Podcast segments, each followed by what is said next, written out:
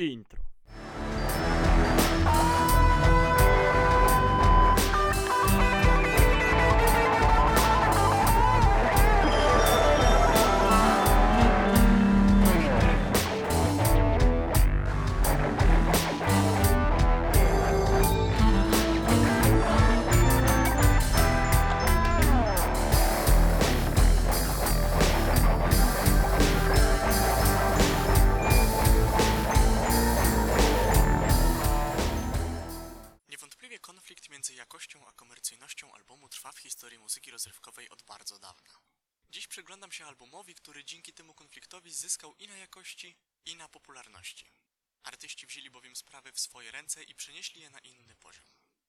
Jest na tyle skomplikowana, że stanowi trzon pełnometrażowego filmu. Jeśli ktoś z Was dwa lata temu był w kinie na seansie Bohemian Rhapsody, zna część informacji, które spróbuję tu dziś zawrzeć. Proponuję przypomnienie. Przełomowy, a przez wielu uznawany za zdecydowanie najlepszy krążek w dyskografii grupy Queen, pod tytułem A Night at the Opera. Został wydany 21 listopada 1975 roku. Is this the fantasy? Caught in a landslide, no escape from reality. Open your eyes, look up to the skies and see. Niekorzystny kontrakt, który rok wcześniej doprowadził do wydania trzeciej płyty Queen, Sheer Heart Attack, postawił istnienie zespołu pod znakiem zapytania. Rogera Taylora nie było stać na nowe pałki perkusyjne, John Deacon nie mógł wpłacać niezbędnych kaucji, a co dopiero rachunków. Jako zespół zasługiwali już przecież na znacznie więcej. Nagrali trzy albumy, byli rozpoznawalni zarówno wśród producentów, jak i wśród publiczności. Każdy z muzyków miał coś do zaoferowania, a charyzma i potencjał, jakie zauważalne były w osobie frontmana, Frediego Mercurego, powinny kazać każdemu szanować ich kolejne pomysły. Pierwszym utworem w czasie nocy w operze jest Death on Two Legs, który został przez niego napisany w szczycie wzburzenia tą sytuacją. To jedno wielkie wyzwisko wobec tego, który chciał wykorzystać te talenty do własnych, wyłącznie komercyjnych celów.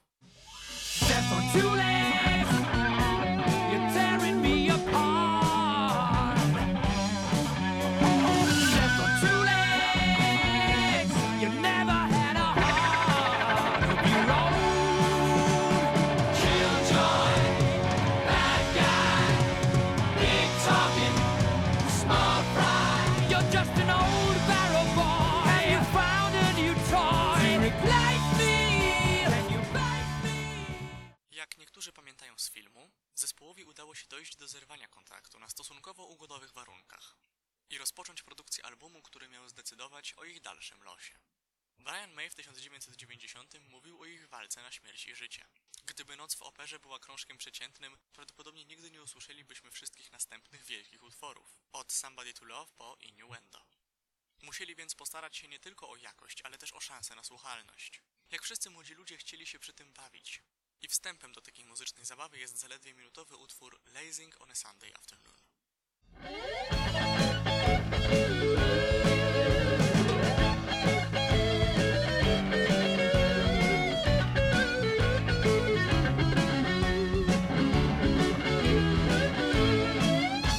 Nowy menadżer polecił zrobić grupie najlepszy album, jaki tylko potrafią. Nie ma jednak recepty na dobry album. Czasami o sukcesie decyduje przypadek. Ale żadnemu z czwórki, która tworzyła ten krążek, nie można odmówić zaangażowania. Trzeci utwór o absurdalnym tekście I'm in love with my car to kompozycja Rogera Taylora, na której również zaśpiewał. Tom Reynolds powiedział, że to jedna z najbardziej pasjonujących piosenek miłosnych, jakie kiedykolwiek słyszał. Piosenkę perkusista zadedykował inspiracji do napisania tego tekstu, kierowcy Jonathanowi Harrisowi, a końcowe dźwięki warkotu pochodzą z jego Alfa Romeo.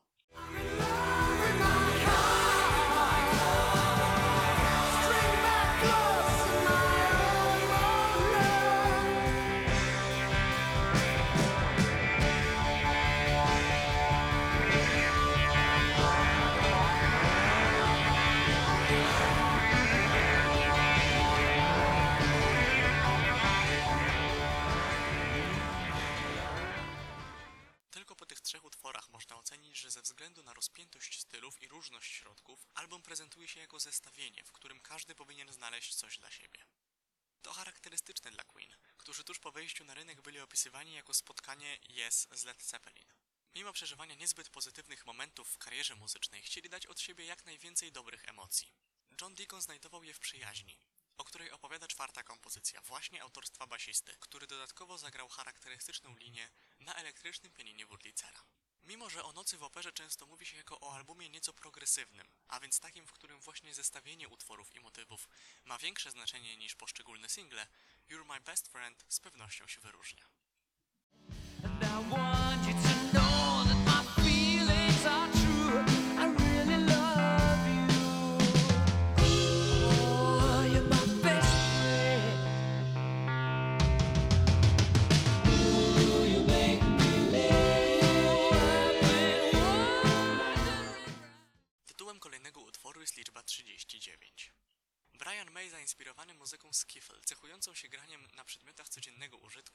Napisał i zaśpiewał utwór o grupie astronautów, którzy pod wpływem dilatacji czasu tracą swoich bliskich.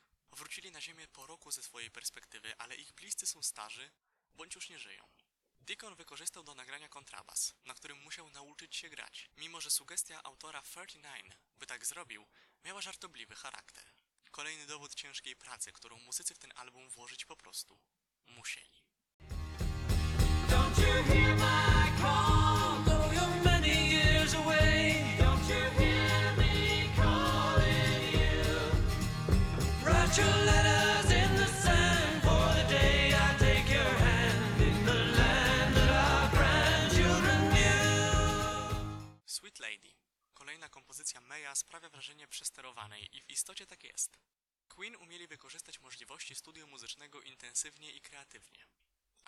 Wiele sekcji, stawiając wiele akcentów, ubarwiając, multiplikując. Noc w operze to bardziej album totalny, a o takich najwięcej da się powiedzieć, bo nie powstały po prostu. Zbierają bagaże doświadczeń. Gdyby nie menadżer Tyran, być może londyńska czwórka nigdy nie przeszłaby do historii. Nie trudno domyślić się, jak dużych nakładów finansowych wymagała praca z taką ilością sprzętu. 45 lat temu była to najdroższa produkcja longplaya w historii muzyki. Paradoks. Zamiast ratować prywatne budżety, postawili wszystko na projekt, który stał pod znakiem zapytania. Słusznie wierzyli, że mają zbyt dużo do ugrania, by nagle po prostu zrezygnować.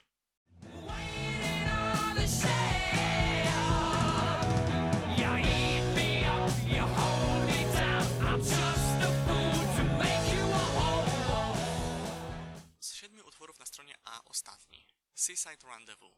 Najlepiej nadaje się do tańca. Jest to jedyna reprezentacja rock'n'rolla na tej płycie, autorstwa Mercurego. Kolejna przebogata instrumentalizacja z użyciem klarnetu, tuby, trąbki, podwójnych klawiszy, a nawet naparstka obijanego o stół mikserski. Tuż przed obrotem krążka na drugą stronę można się odprężyć, wtapiając się w szybkie i wyraziste bicie Taylora. Dla ambitnych zadanie. W tej piosence właśnie Roger Taylor wydaje najwyższy dźwięk na całej 43-minutowej płycie. Trzykreślne C. Warto poszukać. You'd have to tell your daddy if you can. Be your Valentino. Ride upon an omnibus and then the casino. Get a new facial. Start a sensation. Seaside rendezvous. So adorable. Seaside rendezvous. Woo. W recenzjach albumu, szczególnie tych nowszych, pada wiele stwierdzeń o tym, że to właśnie fuzja stanowi o sile nocy w operze. Moje ulubione to to Stevena Erlewina, który scharakteryzował gatunek jako rock progresywny z poczuciem humoru i dynamiką. O ile strona A ma wiele wspólnego z drugą częścią opinii, tak strona B to już progresja z prawdziwego zdarzenia. Freddy w jednym z wywiadów podkreślał dyscyplinę, która rządziła jego pracą. Bardziej uwydatnia się to właśnie po drugiej stronie krążka. Otwiera ją najdłuższy w całej dyskografii Queen utwór wokalno-instrumentalny. Ośmiominutowy The Prophet Song, którego autorem jest May. Powstał pod wpływem snu o potopie, jaki spotkał gitarzystę w trakcie choroby, jaką przeszedł po wydaniu Sheer Heart Attack. Złożenie nagrania w całość trwało kilka dni. Poza Bohemian Rhapsody to najbardziej wymagający wokalnie utwór podczas operowej nocy. Warto skupić się na zmianach tempa oraz zauważyć, jak fantastyczne jest złożenie z kolejnym utworem.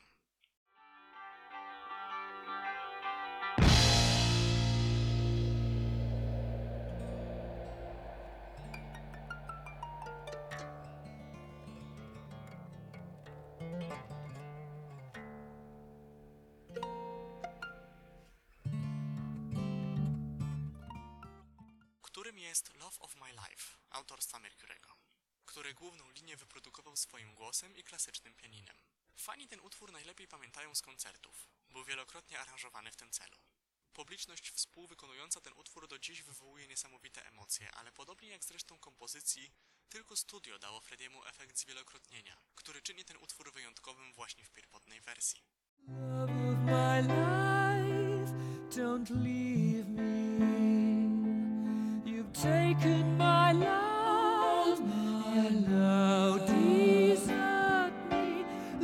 of my life, can't you see?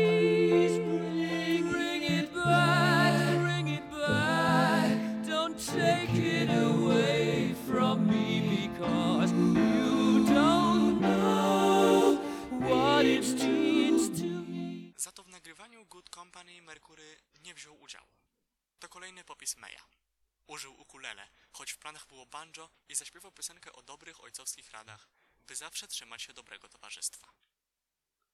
Najpierw je wykorzystuje, potem bierze ślub, a na koniec zostaje sam i daje podobną radę, by trzymać się dobrego towarzystwa. Wszystko podszyte ironią, zarówno muzyczną, jak i liryczną. Mimo ciężkiej sytuacji, w studio było miejsce na zabawę.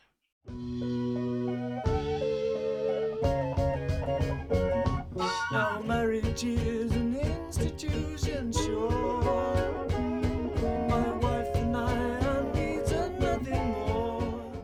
Pod koniec, jakby już w fazie REM, docieramy do największego skarbu, jaki opera zostawiła dla nas tej nocy. Pięcioczęściowy, monumentalny i perfekcyjnie wykonany, podsumowujący wszystko to, co usłyszeliśmy przez ostatnie 35 minut, a przy tym wybijający się ponad wszystkie, nawet ponad całą dyskografię Queen. Nie bezpodstawnie jedna z najważniejszych kompozycji w historii muzyki rozrywkowej. Bohemian Rhapsody do dziś jest jednym z niewielu połączeń takiej jakości i takiej popularności w dodatku ponadczasowej. Od początku, a jej dzieje sięgają końca lat 60., była planowana na części, jako kompozytorskie opus magnum Frediego. Brian May wspominał, że cała była w umyśle wokalisty, nim ktokolwiek zaczął grać. Pianino, na którym wykonał on część balladową i kodę, brało wcześniej udział w nagraniach takich utworów jak Hey Jude Beatlesów czy Changes Davida Bowiego. Przeszywająca wraz z tekstem o chłopcu, który naznacza swoje życie zbrodnią, zanim na dobre się zaczęło i musi stawić temu czoła, przechodzi w część operową, najbardziej przypominającą marzenie senne. Kosmiczne Galileo, nie wiadomo skąd wydobyte pokłady wokalu i odmówienie chłopcu ratunku prowadzą do gitarowej solówki, gdzie jeszcze innym sposobem Freddy śpiewa o tym, że chłopiec musi się wydostać, że świat nie może oferować mu zadośćuczynienia. W kodzie zostaje do powiedzenia słynne Nothing really matters to me i można się budzić. Jeśli temat czyni ze snu koszmar, to przynajmniej podszyty wrażeniami, które nie sposób wyrzucić z pamięci. Stopień doskonałości osiąga apogeum. Nie dziwne, że w tym wymiarze już nie wrócił. Nothing really matters.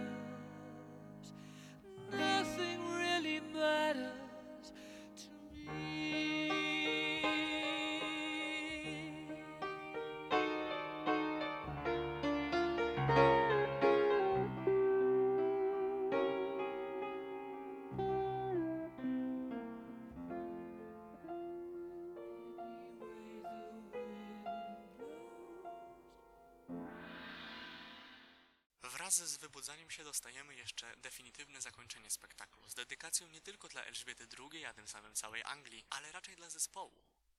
Słowa już nie padają. Jest tylko półtorej minuty gitarowego coveru hymnu Wielkiej Brytanii o dwuznacznym tytule God Save the Queen. W tym samym składzie, aż do przedwczesnej śmierci Frediego Mercurego, zespół przetrwał 16 lat, a istnieje de facto do dziś. A Night at the Opera to album wyjątkowy, którego historia pokazuje, że nawet będąc pod ścianą, można mieć przestrzeń na doskonałe muzyczne pomysły. Postawienie wszystkiego na jedną kartę, gdy ryzykuje się majątkiem, by te pomysły zrealizować, to odwaga połączona z wielką wiarą we własne możliwości. Bez ich determinacji słuch po nich zaginąłby w wielości produkcji, z jaką mamy do czynienia. Album odmienił losy grupy i całej muzyki, stając się mistrzowskim połączeniem jakości i popularności.